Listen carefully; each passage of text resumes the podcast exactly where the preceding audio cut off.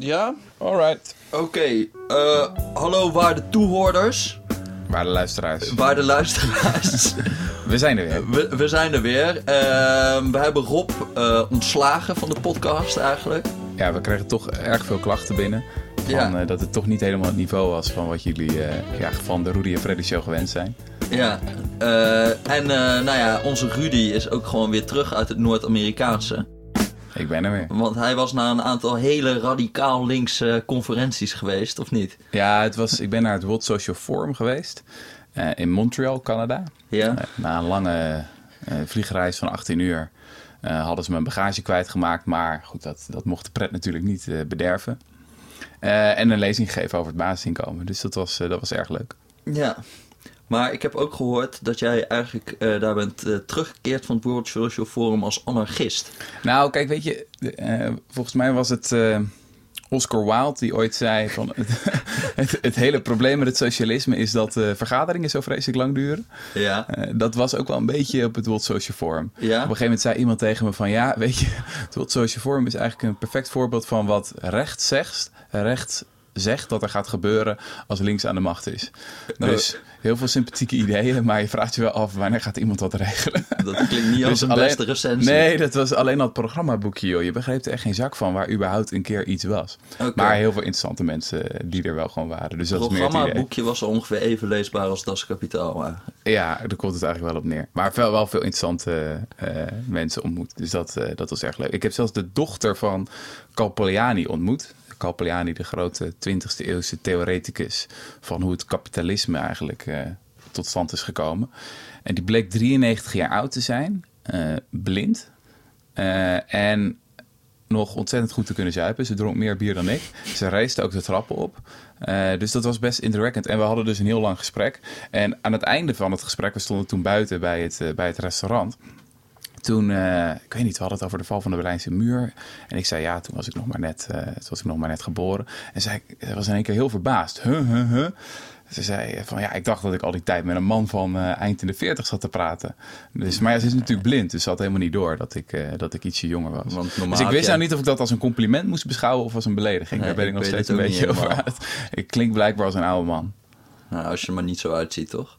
Ja, nee, dat scheelt weer. Dat scheelt weer. Ehm, we gaan het in ieder geval vandaag hebben over eh, de vergeten ideologie eigenlijk. Mhm. We gaan het hebben over het anarchisme.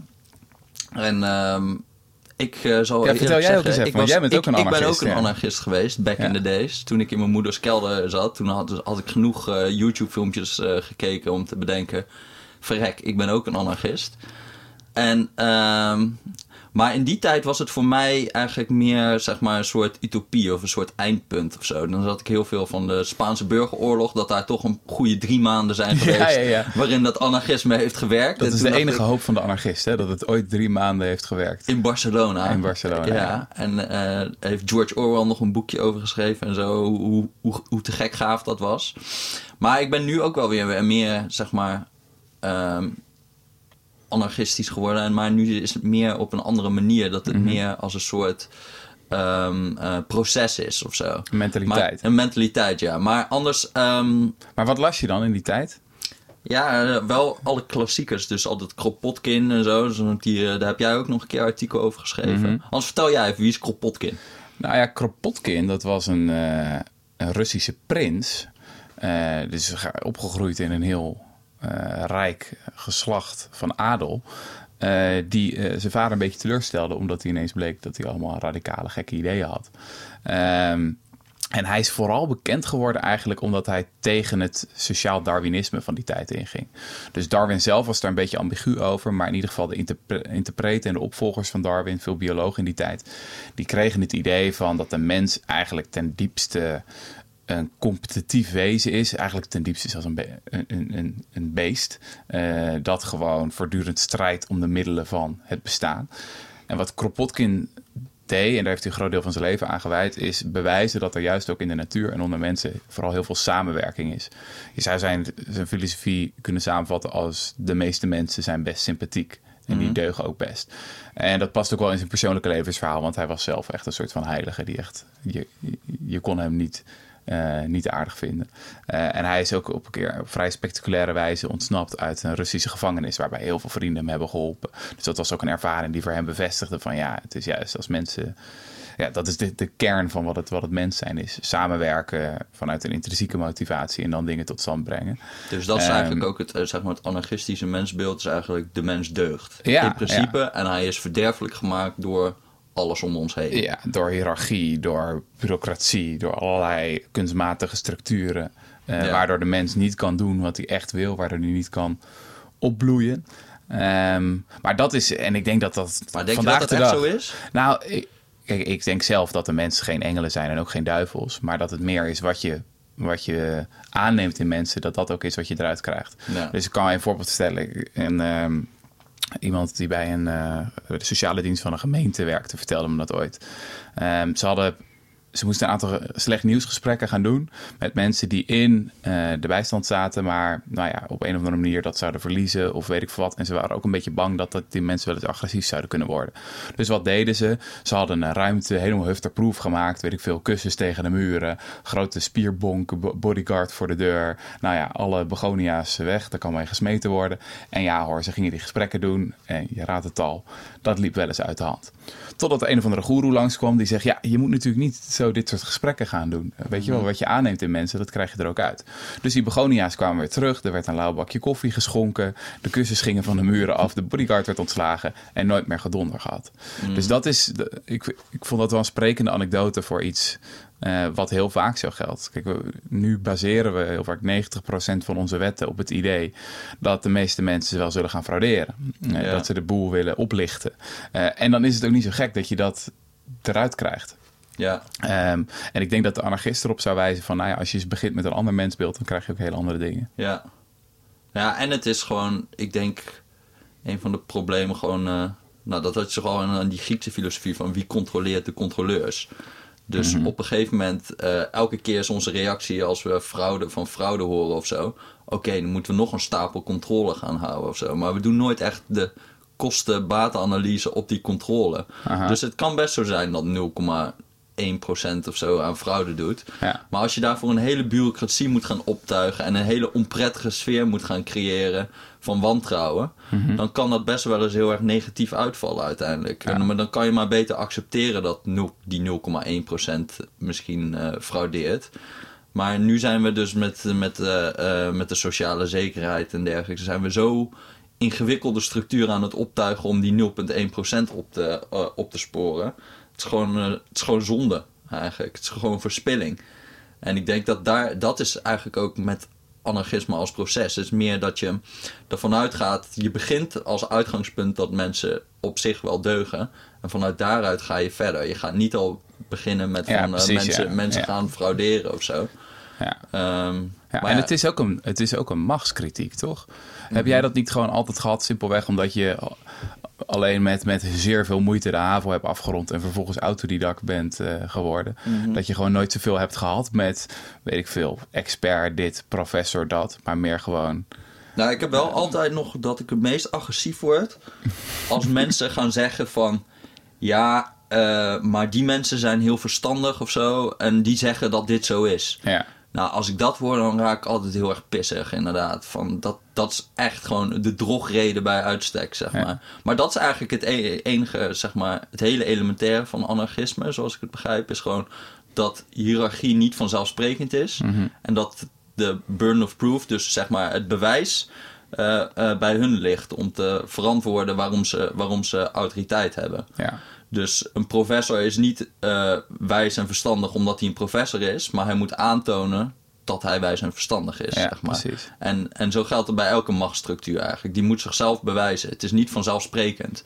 En ik denk dat iedereen daar eigenlijk wel mee eens is. Alleen het is als je dat helemaal doordenkt en bij alles gaat bevragen: oké, waarom is dit nodig? Of waarom bestaat dit? Of waarom is deze manager mag mij vertellen wat ik moet doen, zeg maar. Dan kom je wel al heel snel op hele radicale ideeën. Nou, ik had het vooral in de wereld van inderdaad het management. Of zeker in de publieke sector, in het onderwijs, in de zorg. Ik heb aardig wat lezingen gegeven in de afgelopen drie, vier jaar.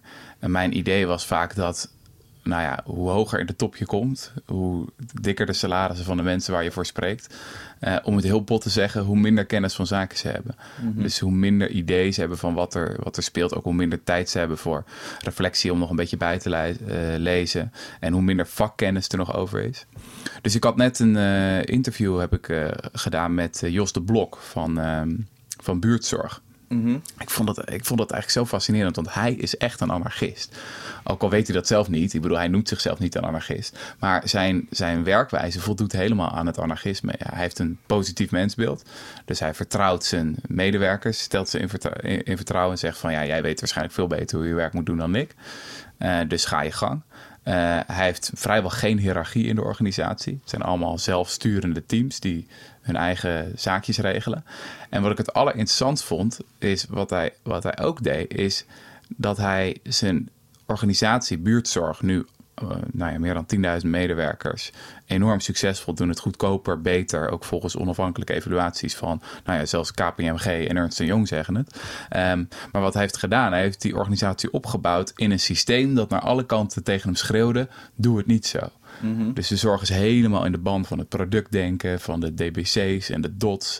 En hij heeft gewoon gezegd: weg ermee, we hebben maar één, één product, we leveren zorg. Stellen mensen gewoon in vertrouwen om uh, samen met die patiënt dat werk zo goed mogelijk te doen.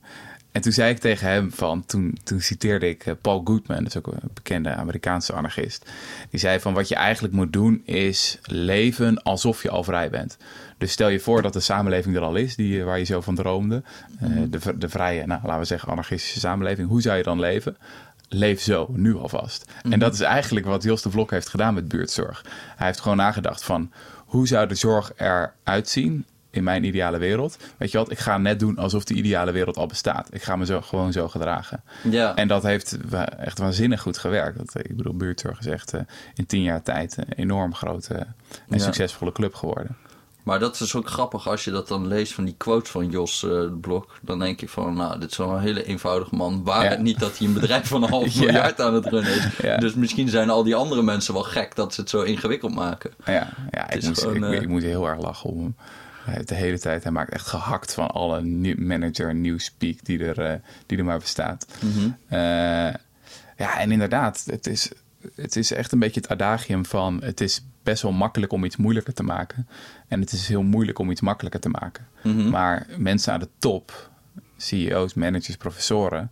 die hebben er vaak belang bij om dingen moeilijker te maken. Ja. Want dan zeggen mensen, oh, het is zo moeilijk, we hebben jou nodig. Je bent de professor, je bent de CEO, we hebben jou echt nodig... om al die complexiteit te organiseren. Ja, dat had ik, had ik ook altijd toen. Ik heb ook eh, bij de Albert Heijn gewerkt. en ik was dan een vakkenvuller. En dan had je dan ook managers. En dan stond ik daar een vak te vullen. En dan kwam zo'n manager langs en zei... ah, dit vak, dat moet je wel even vullen. Dan denk ik van ja, vriend, ik ben, eh, ik ben hier een vakkenvuller. Ja. Ik weet wel dat je een fucking vak moet vullen. Maar dan eh, is gewoon, dan bestaat die taak is nou eenmaal geschept, zeg maar. Dat Ja. die man een manager moet zijn, dat hij ons moet controleren. En dan gaat hij dat ook doen. Ja. Dus dan gaat hij de hele tijd gaat hij eigenlijk aanwijzingen geven wat wij ook allemaal wel weten. Ja. Of, of dan gaat hij zich bemoeien met hoe het brood gebakken moet worden. Ja, wij zijn eh, de broodbakkers. Ja.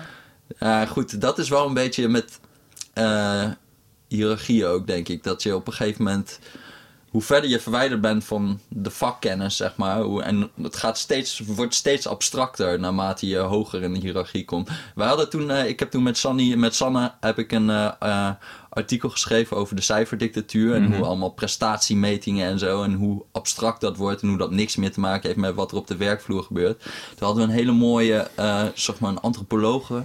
Die had meegelopen bij het UWV. Mhm. En hoe die managers eh, over de verzekeringsartsen eh, spraken. Mhm. Nou, dit was een soort middenmanagementlaag. En zij zagen eigenlijk dat hele werk van verzekeringsartsen... zagen ze alleen maar in digitale agenda's en in spreadsheets. En die verzekeringsartsen zeiden de hele tijd van... ja, maar jullie zitten nu allemaal beleid te maken op basis van die spreadsheets... maar we doen nog veel meer en het, dit is niet representatief voor wat wij doen. En dan gingen die managers stijgeren van... nee, nee, dit klopt niet en zo. Maar het grappige was, later toen gingen zeg maar de managers van die managers... die gingen weer zeggen op basis van hun eigen spreadsheets van... ja, jullie moeten dit en dit en dit doen.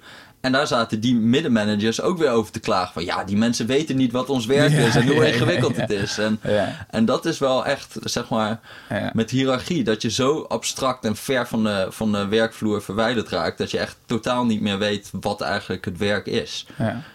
Ja. Ik denk dat dat ook wel. eh, ehm, ik bedoel, zoals bij ons, bij, nu nog, bij de correspondent. Ik ben altijd bang van wat als wij nu met 400 mensen zijn of zo. Wat gebeurt er dan? Dan, dan krijg je ook hiërarchie en zo. Ja. En misschien is het dan gedoemd om te falen. Ja, want we zijn nu een heel anarchistische club eigenlijk. Ja, Ik heb dat ook interessant gevonden in eh, onderzoek dat psychologen hebben gedaan naar motivatie.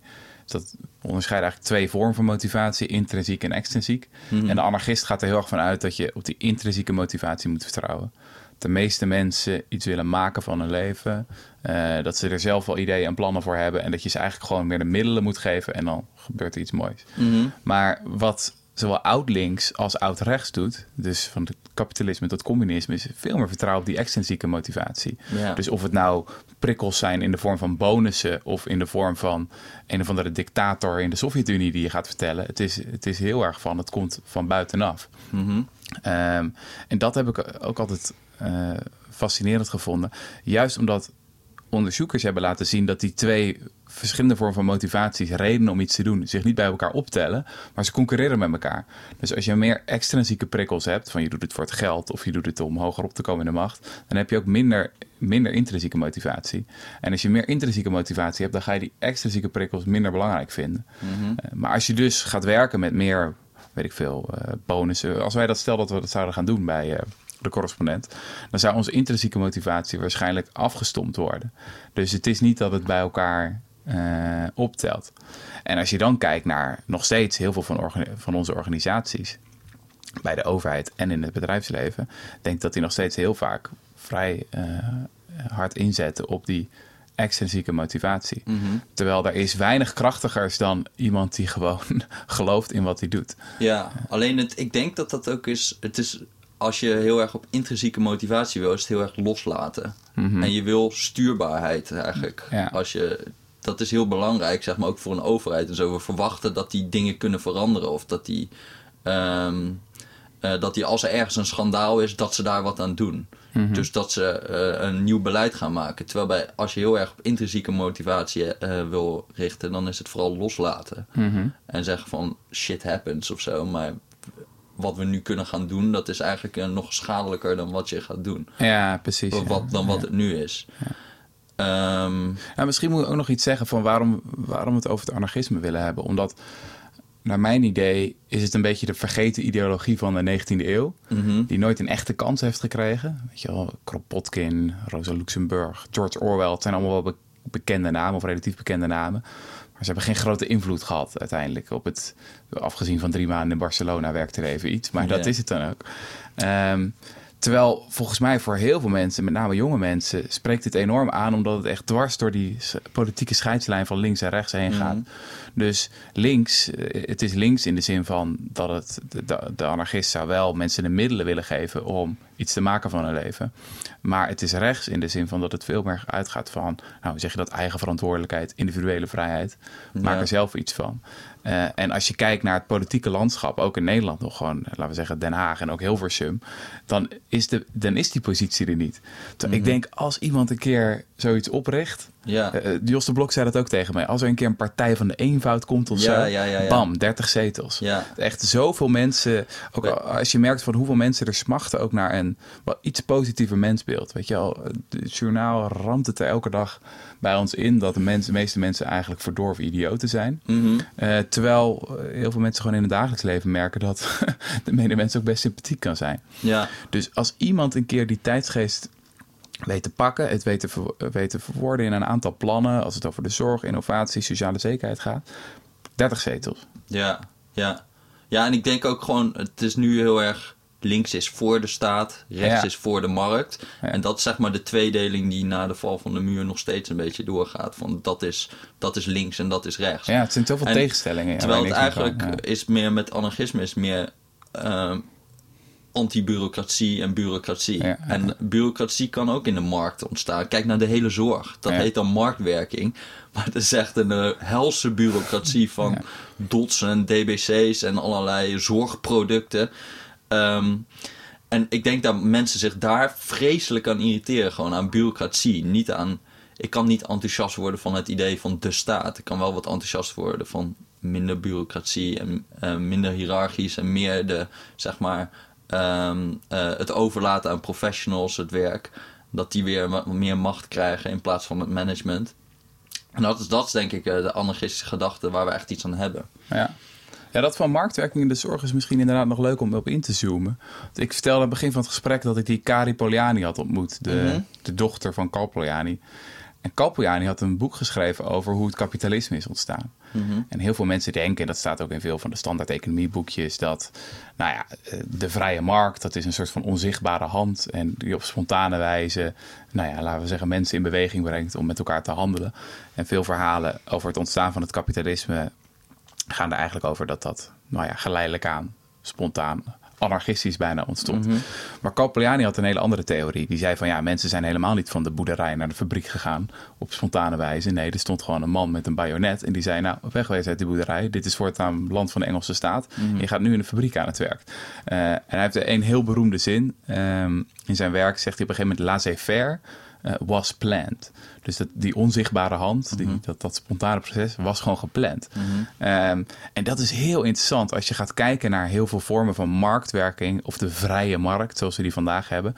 Dan zie je eigenlijk dat er achter die vrije markt echt een ontiegelijke hoeveelheid bureaucratie zit. Eh, vooral als je markten gaat organiseren op in gebieden of, of vormen van producten die eigenlijk daarvoor helemaal geen product zijn. Dus zorg was nooit echt een product. Je leverde gewoon zorg, maar je kon dat niet makkelijk opknippen in aantal minuten steunkousen aantrekken, aantal minuten billen was of weet ik veel wat.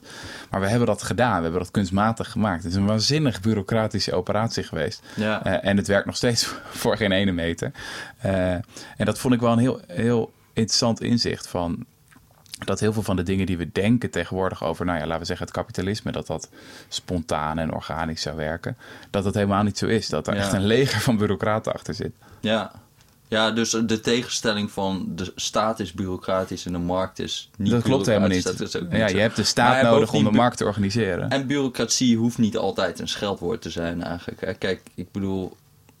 Om een marktinstituut... Mijn, mijn favoriete markt is altijd de bloemenhandel. Ja. Daar heb je de veiling in Nederland. De Aalsmeerse bloemenveiling. Mhm. En daar heb je ook standaardisatie, bureaucratie. Dus bepaalde bloemen zijn, hebben die bepaalde eigenschappen hebben. Zijn allemaal in dingetjes opgeknipt. Dus eh, dat zijn ook gewoon productjes eigenlijk. Een soort DBC's van bloemen zou je Ja, kunnen ja, zeggen. ja, Ja, ja. Ja. En dat is, dat is juist heel zinvol geweest, zeg maar, voor het ontstaan van die markt. Hoeft niet slecht te zijn of zo. Eh, alleen het is wel een abstractie. Mhm. En we, we moeten er wel bij stilstaan dat, zeg maar, ehm, bij de zorg of zo, gaan dat soort dingen helemaal niet zo makkelijk op als bij een bloem. Ja, omdat de zorg gewoon iets heel anders is. Ja. En, eh, en, en het hele ideologische, als we heel ideologisch daarna gaan kijken en we zeggen gewoon markt goed, staat slecht, eh, dan, eh, dan ben je heel erg geneigd om dat eh, gewoon wel te doen. De zorg als een soort, als een soort bloemhandel te gaan in, in standaardproductjes te gaan opknippen. Terwijl dat helemaal geen relatie meer heeft tot wat er op de werkvloer bestaat, ontstaat. Ja. Ja. Ja, dat doet me ook denken aan. Volgens mij is dit ook een van jouw favoriete boeken. eh, van James C. Scott. Ook een anarchistisch denker. Die heeft een, eh, een heel belangrijk boek geschreven. Dat heet Seeing Like a State. Dat gaat ook een beetje over die opkomst van het kapitalisme. Waar ik het net over, over had. Dat de blik van de staat heel erg van bovenaf plannend is. Hierarchisch. En dat hij daarmee eigenlijk de werkelijkheid eh, reduceert. Of in ieder geval veel eenvoudiger maakt dan die in werkelijkheid is. En het bottom-up perspectief eigenlijk ehm, vernietigt. Maar ik vond het zo interessant aan, aan het boek van James C. Scott. Hij geeft heel veel voorbeelden in dat boek van hoe planning heel vaak totaal misgaat. Maar het is niet dat hij het kind met het badwater weggooit. Hij erkent ook dat we in de afgelopen drie eeuwen waanzinnig veel rijker zijn geworden. Mhm. Maar wat is jou vooral bijgebleven van dat boek? Ehm, ja, hij geeft gewoon heel erg veel voorbeelden van een soort van, van top-down ideeën, inderdaad, die niet, niet gelukt zijn. Ik vond eigenlijk het vetste, daar wist ik heel weinig van, van ruimtelijke ordening.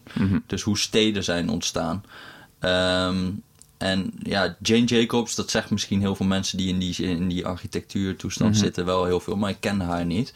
Maar daar is dus een heel vet verhaal ook over dat ze dan eh, met ehm, Robert Moses, wat een van de grootste architecten of stedenbouwkundigen van eh, New York eh, is. En die heeft toen heel erg veel veranderd daar, vooral het auto klaargemaakt, eigenlijk New York. En ook daardoor gewoon hele wijken doorheen gewalst en zo. Ehm, maar zij ging, Jane Jacobs, dat was gewoon eigenlijk een ongeschoolde burger, een journalist. Ehm, en die ging op een tour met Robert Moses. En waar Robert Moses liet zien van dit moet er allemaal veranderen in New York. En toen, zei hij, toen wees hij naar zo'n stoep waar allemaal mensen stonden. En, uh, allemaal, en dan zei hij van, nou, dit is niet mooi. Je ziet, mensen kunnen niet doorlopen hier. Er, kan niet, uh, er is geen uh, stromen. Mm -hmm. Er is geen verkeersstroom. Dit werkt niet. Het is niet rationeel. Het is niet rationeel. Terwijl ja. die Jane Jacobs daar keek en die dacht, hartstikke gezellig hier. Ja. en wat ze eigenlijk uh, liet zien was dat die Rob Moses had heel erg de blik van bovenaf. Hij keek naar de stad als een soort platte grond. Ja. En alles moest doorlopen en er moesten verkeersstromen zijn en uh, alles moest gescheiden zijn. Um, in commercieel woonbouw. En ja. terwijl wat, wat die Jane Jacobs eigenlijk zei, want je moet eigenlijk de blik van de stoep hebben. Je moet gewoon kijken naar hoe zo'n stad wordt gebruikt. Uh, en dat was eigenlijk het verschil tussen zeg maar de lokale kennis van, uh, dat je daar door zo'n stoep heen loopt en denkt: dit werkt, dit is gezellig. En de blik van bovenaf van de stedenbouwkundige. Ja. En als je daarmee kijkt naar een heleboel steden, dan zie je dat ook wel inderdaad. Dat iemand dan zo'n een of ander plein heeft verzonnen van: oh ja, dat is leuk, daar willen mensen zitten. Terwijl het gewoon een of ander guur, gure toestand Ja, is waar niemand eigenlijk veel te groot. Het alleen van bovenaf er mooi uitziet, maar niet van onderop. Ja, precies, ja. Ja. ja. Ja, ik vond een van de vetste voorbeelden, vond ik dat van, eh, omdat ik dat zelf heel erg herkende, is van feestjes. Als, je, een- als je voor je verjaardagsfeestje organiseert, dan maak je de huiskamer helemaal gezellig. Je steekt kaarsjes aan en eh, je legt, eh, weet ik veel, wat zoute stokjes leg je neer. En nou, het is helemaal gezellig. Mensen kunnen gewoon lekker in je huiskamer gaan zitten. En dan is het een uurtje of half twaalf, twaalf uur. En dan zitten 30 man in je keuken met TL-licht. Ja. Dat is fascinerend. Waarom doen ze dat? Ik bedoel, er is één ruimte die gewoon objectief gewoon beter is om te zitten Ja. dan in de keuken met TL-licht. Maar iedereen gaat daar zitten, Ja. omdat het daar gezellig is. Blijkbaar is daar een samenkomst van dingen. Er is de koelkast, dus er is, er is eh, de, de directe faciliteiten. Je zou kunnen zeggen dat, als je het vergelijkt met de stad, de winkels zijn er. Mhm. Eh, het is, een, het is een doorgangsplek, dus veel mensen komen elkaar daar tegen. En je kan er ook wel, eh, je kan er ook wel staan. Het is lekker druk, houden mensen ook van. Lekker kleine ruimte. Feestjes zijn ook wel het leukst als het een lekker kleine ruimte is. Heb je ook altijd eh, feestjes die mislukken. is zo vaak zo dat gewoon de ruimte te groot is. En dan van bovenaf of van vo- vooraf leek het leuk. Van oh, wat een mooie ruimte. En dan gaan we daar staan en daar. En uiteindelijk wordt het niet gezellig. ja. ja. Dus dat vind ik altijd heel interessant dat de planner van het feestje altijd totaal een ander beeld heeft van degene die op dat feestje is. Ja. Van wat een leuke plek is. Ja, ja en dat is, dat is eigenlijk ook gewoon een soort anarchistische kritiek natuurlijk. Van Ja. dat, eh, dat eh, als je het helemaal van, van boven bekijkt, dan klinkt het allemaal goed. Maar hoe het wordt gebruikt is altijd anders. Ja. Alleen is het moeilijk om daarmee om te gaan, vond ik eerlijk gezegd. Want ja, wat moet je dan? Je moet toch woningen bouwen of zo. Ja, en en, dat- en maar dat, dat- kan niet allemaal organisch ontstaan of Nee. zo. Er moet, er moet gepland worden, Ja. in zekere zin. Alleen hoe doe je dat dan wel goed? En dat vond ik wel bij dat boek. Hij gaf, ja, hij gaf wel een paar eh, leidraden van dat je het kan... Het moet omkeerbaar zijn wat je doet. Mhm. Dus je moet altijd nog terug kunnen draaien. Maar goed, bij sommige dingen is dat nu helemaal niet zo. Ik ga niet, je gaat niet woningen bouwen en het dan zeg Ja. maar weer neergooien of zo. Je moet op een gegeven moment ook een koers uitzetten en dit gaan we gewoon doen. Ja. Maar Nee, dus daarom is het, zitten we ook gewoon te zoeken naar een soort van hoe kan je plannen? Hoe kan je grote stappen maken als samenleving? Mhm. Terwijl je tegelijkertijd die anarchistische spirit een beetje behoudt. En ik denk, je zou het de anarchistische staat kunnen noemen. Een beetje een tegenspraak is natuurlijk. Want de, anarchisten, of de oude anarchisten wilden de staat afschaffen. Maar wat nou als je de staat vooral inzet voor nou ja, meer anarchistische doeleinden? Volgens mij doet Jos de Blok dat met buurtzorg. Dus het is zorg die collectief is gefinancierd. Je hebt er gewoon een fiscus voor nodig, belastingen heffen. Nou, dat is eigenlijk een klassieke vorm van eh, planning, bureaucratie. Maar vervolgens geef je die middelen aan een organisatie die helemaal decentraal is georganiseerd. En waarbij professionals met vakkennis gewoon een, een werk eh, naar eigen inzicht uitvoeren. Eh, en stel nou dat je dat principe op andere gebieden toepast. Ja, ik innovatie. het eh, grootste idee van de 21 Nou, ik mag daar niet meer over beginnen volgens mij. Van, ja, maar ja, het basisinkomen is natuurlijk, als je de sociale zekerheid is natuurlijk het voorbeeld van hoe je het zou doen. Ja. Dus je geeft mensen de middelen om iets te maken van hun leven. En vervolgens ga je niet met allerlei een hele werkloze industrie en reïntegratie en allerlei cursussen bij het UWV uitleggen hoe, ze- wat ze met hun leven moeten doen. Mhm. Eh, maar volgens mij kan je het ook in innovatie eh, erover nadenken. Ehm, Ja, dat is gewoon hoe ze het in Amerika altijd met DARPA en NASA zeg maar, gaan een man op de maan zetten en dan gewoon prijsvragen uitschrijven voor bepaalde onderdelen van die missie. Ja, en dus precies, je schept een soort kader, een kader, maar je zegt niet we gaan precies eh, dit doen of zo. ja. Ja. Eh, en binnen dat kader mogen mensen innoveren en dat is gewoon best wel vrij, vrije innovatie. Ja, ja, precies. Dus het, het framework is steeds de anarchistische staat is groot in termen van herverdeling. Mhm. In termen van mensen de middelen geven om iets te maken van hun leven. En klein in termen van sturing en betutteling. Ja, En wat we nu hebben, als je kijkt naar de universiteiten bijvoorbeeld, wordt het steeds kleiner in termen van herverdeling. Wetenschappers moeten steeds minder geld. En steeds groter in termen van sturing en betutteling. Weet je Ja. wel? We hebben eindeloos veel regels over hoe je verantwoording moet afleggen. Terwijl, weet ja je, maar het- die twee hangen ook samen. En dan, denk je, dan denken mensen dus ze krijgen minder geld, dus moeten we het doelmatiger inzetten. precies, ja. En Ja. doelmatigheid, dat moet meetbaar zijn, wat weer een enorme me- bureaucratie met zich meebrengt van mensen die moeten meten. En het moet managebaar zijn, wat weer allemaal managers met zich meebrengt. Ja. Dat is ook gewoon een beetje het, eh, het probleem, denk ik. ja. Maar goed, David Graeber zei dat op een gegeven moment, weet je, een anarchist, eh, Amerikaanse anarchist. Eh, er ging op een gegeven moment in debat met Peter Thiel, weet je wel, de Silicon Ja. Valley ondernemer.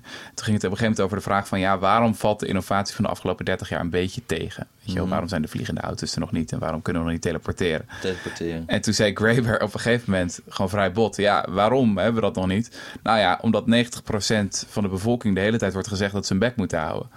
Dus ja, hoe, waar komt innovatie vandaan? Nou ja, meestal is het gewoon, je geeft 100 mensen, geef je gewoon de ruimte van, nou, gaan we wat doen, gaan we wat interessants eh, bedenken. 99 eh, van de 100 verprutsen hun tijd en één iemand komt met iets briljants.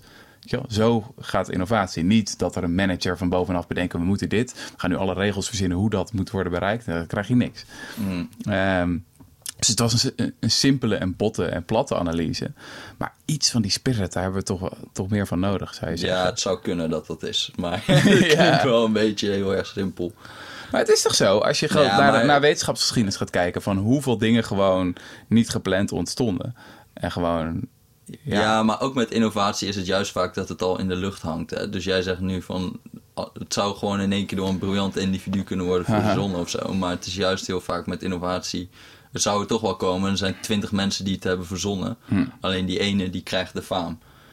Zeg maar. Dus Maar dat is er niet helemaal waar. je eentje hebt- van die heel veel zijn die het wel zal. eh, maar je hebt ook samenlevingen in het verleden gehad. Ik bedoel, met name feodale samenlevingen. ja, zeer hiërarchisch. Die totaal niet innovatief waren. Dus Ja. daar hing misschien wel iets in de lucht, maar het werd er nooit uitgepakt. Dat is waar. Dus je hebt uiteindelijk wel een, ja, een structuren nodig. Of in ieder geval Nou ja, mensen... en je ziet ook hoe die bedrijven zeg maar, zichzelf organiseren. Is vaak in Silicon Valley minder hiërarchisch dan zeg maar, in de gemiddelde Ja, ja. eh, Albert Heijn of zo. Ja, dat is ironisch. Dat veel van die bedrijven intern best anarchistisch zijn georganiseerd. Ja, ik heb een keer zo'n artikel geschreven over Valve. Voor mensen die het niet kennen. de, eh, Steam, eh, Counter-Strike, Half-Life. is een gameontwikkelaar. En dat bedrijf heeft dus... Zij hebben wel een baas, maar die doet niks. Het is gewoon totale anarchie. Dus iemand die komt gewoon, moet gewoon zelf met een idee komen. Die moet dat intern gaan pitchen. Mensen zoeken om eh, mee te gaan werken aan dat idee. En dan gaan, vormen ze gewoon een, eh, een groepje wat met dat idee aan de slag gaat. Maar er is helemaal niemand, geen formele hiërarchie. Wel informeel natuurlijk. Er is iemand die dat project dan leidt of zo. Maar er is niemand die echt formeel een projectleider is. Iedereen is in die zin gelijkwaardig. En dat is juist heel erg, voor, volgens die mensen die dit hebben verzonnen, is dat juist heel erg bedoeld om innovatie te bevorderen. Dus omdat het niet helpt om gewoon eh, eh, een manager te hebben die zegt wat je moet doen. Daar, daar komen niet altijd de beste ideeën van. Ja, vind ik wel fascinerend dat, dat je dat dus ook in Google had. Dat ook Google Time of zo. Ja, dat 20%, van ja. je tijd gewoon vrij te besteden is. Nou, daar zijn Gmail en dat soort eh, dingen zijn daar uitgekomen. Ja. Ehm, dus ja, misschien, ja, er zit misschien wel wat in ook trouwens. Ja, het is gewoon bedrijven die mensen meer afrekenen ook gewoon op resultaten. Mhm. Eh, Maar dat zou ze bij een overheid of zo ook meer moeten doen, denk ik. Gewoon ook wat, eh, wat, eh, wat dat je wat innovatiever kan zijn. ja, ik heb een keer geschreven over het, ehm, Vlaamse ministerie van Sociale Zaken. Mhm. Nou, dat is niet de meest. Je denkt dan niet meteen aan super vooruitstrevende werkgever. Nee, daar word ik niet warm van. Maar daar is op een gegeven moment inderdaad iemand eh, aan, de, aan de top gekomen. En die heeft gezegd: eh, Nou ja, ehm prikklok weg. richt zelf maar je werktijden in. En eh, gewoon helemaal op die intrinsieke motivatie ingezet. Mhm. En het heeft eh, heel goed uitgepakt. Ze werden toen veel, hoe zeggen de Vlamingen dat? Veel performanter. ja. Dus dat, dat pakt bij, buitengewoon goed uit. Je kan het op heel veel plekken eh, toepassen. Maar waar ik nog een beetje over na zat te denken. Kijk, hoe gaan we deze revolutie bewerkstelligen, Jesse? Nou, we Ehm. nemen de zwarte vlag en we trekken naar Den Haag. Ja. Nee, want, want anarchisme staat nu echt... Ik vind alleen al interessant dat anarchie, dat woord, is voor veel mensen synoniem aan chaos. Ja. Terwijl waar wij het over hebben, is eigenlijk orde. Ja. Het is helemaal niet chaos. Eerder is weg van de bureaucratische chaos en een nieuwe natuurlijke orde Ja. op zoek zijn. Dat veel dingen spontaan eigenlijk wel goed Nou, komen. gewoon meer bottom-up dingen regelen. En anarchie staat voor heel veel mensen ook gelijk aan, weet ik veel, 19e eeuws terrorisme, geweld, aan radicaal linkse ideeën. Mhm. Terwijl ik vind het interessant als je naar die geschiedenis gaat kijken. Veel van de grootste tegenstanders van Lenin bijvoorbeeld, ja, dat waren niet eh, de liberale democraten of zo, maar het waren eigenlijk vooral eh, anarchisten eh, die felle kritieken schreven op Lenin. Je zit er helemaal naast. Mhm. Dit gaat helemaal de verkeerde kant op. Het enige probleem altijd met de anarchist is, is dat hij niet goed met macht om kan gaan. Nee. Eh, dus als het erop aankomt en de wereld eh, veranderd kan Nou, het is worden. gewoon dan- iedereen die macht krijgt, die kan niet zo goed met macht omgaan. Ja, en dat is een beetje met het, met het World Social Forum, proefde ik dat ook. Om het cirkeltje rond te maken. Is het allemaal sympathieke mensen. Maar dan was er, hadden we bijvoorbeeld een vergadering. En dan zei iemand op een gegeven moment van... Ja, we hebben besloten dit, eh, dit groepje in tweeën te splitsen. Nou, ik vond het prima, want het was een veel te grote groep en het werkte voor geen meter. En toen zei hij... Oh, oh sorry, sorry. Ehm, eh, ik bedoel, eh, ik stel voor om dit groepje in tweeën te splitsen. En ik dacht, oh nee, splits het gewoon in tweeën. Ja, precies, precies, ja. Dus dat is wel iets waar... dat is wel het grote dilemma ook natuurlijk. Kan, Ja. Je kan niet consequent anarchistisch zijn, want uiteindelijk ontstaat hiërarchie ook gewoon. Ja, misschien is, moet je het ook gewoon een beetje zien als een, als een schaal. Van niet de vraag, wil je anarchist worden? Maar meer, willen we meer of minder anarchisme? Meer, En dan zou ik zeggen dat we nu wel wat meer kunnen gebruiken. Ja. ja, en het is dus, en ik denk dat er sowieso links kan daar heel veel aan hebben, want die missen echt een bureaucratiekritiek. Toch? Ja, Dus ja, echt iets. En volgens mij, als je dat gewoon frontaal aanvalt, hier hebben we in de zorg, eh, onderwijs, politie, mensen worden helemaal gek van bureaucratie. Ook in bedrijven. Mhm. Nou, als je dat gewoon eens een keer echt frontaal aanvalt, eh, dan denk ik echt dat je een, een, een nieuw, zeg maar, onderdeel van het politiek spectrum hebt. Ja. Partij van de eenvoud, 30 zetels. Partij van de eenvoud. Oké, gaan, we, gaan we doen. Helemaal goed. Oké, nou, eh waarde luisteraars. Ik vond het leuk dat jullie erbij waren. En ik zeg uh. Groetjes thuis.